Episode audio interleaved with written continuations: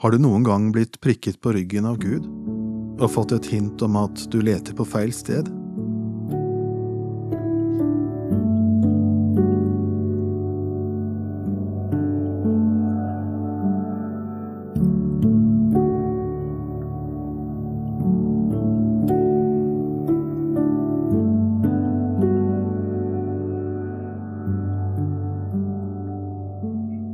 Har du noen gang blitt prikket på ryggen av Gud og fått et hint om at du leter på feil sted?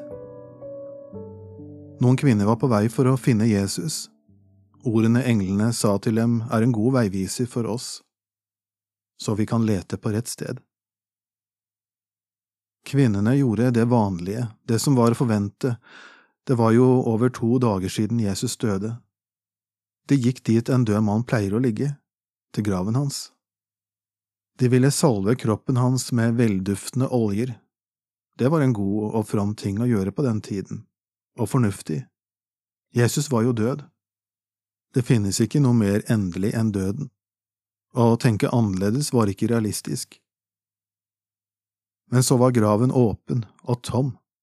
Istedenfor sto to menn i skinnende klær og spurte, Hvorfor leter dere etter en levende blant de døde? Lukas 24 Jeg var bekymret for noe helt praktisk og konkret.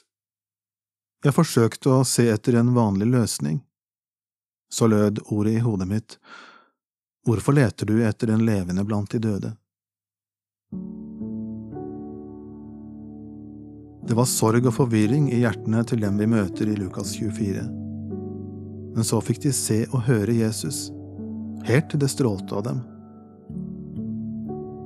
Jeg anbefaler hele kapittelet. Les til du kjenner deg igjen.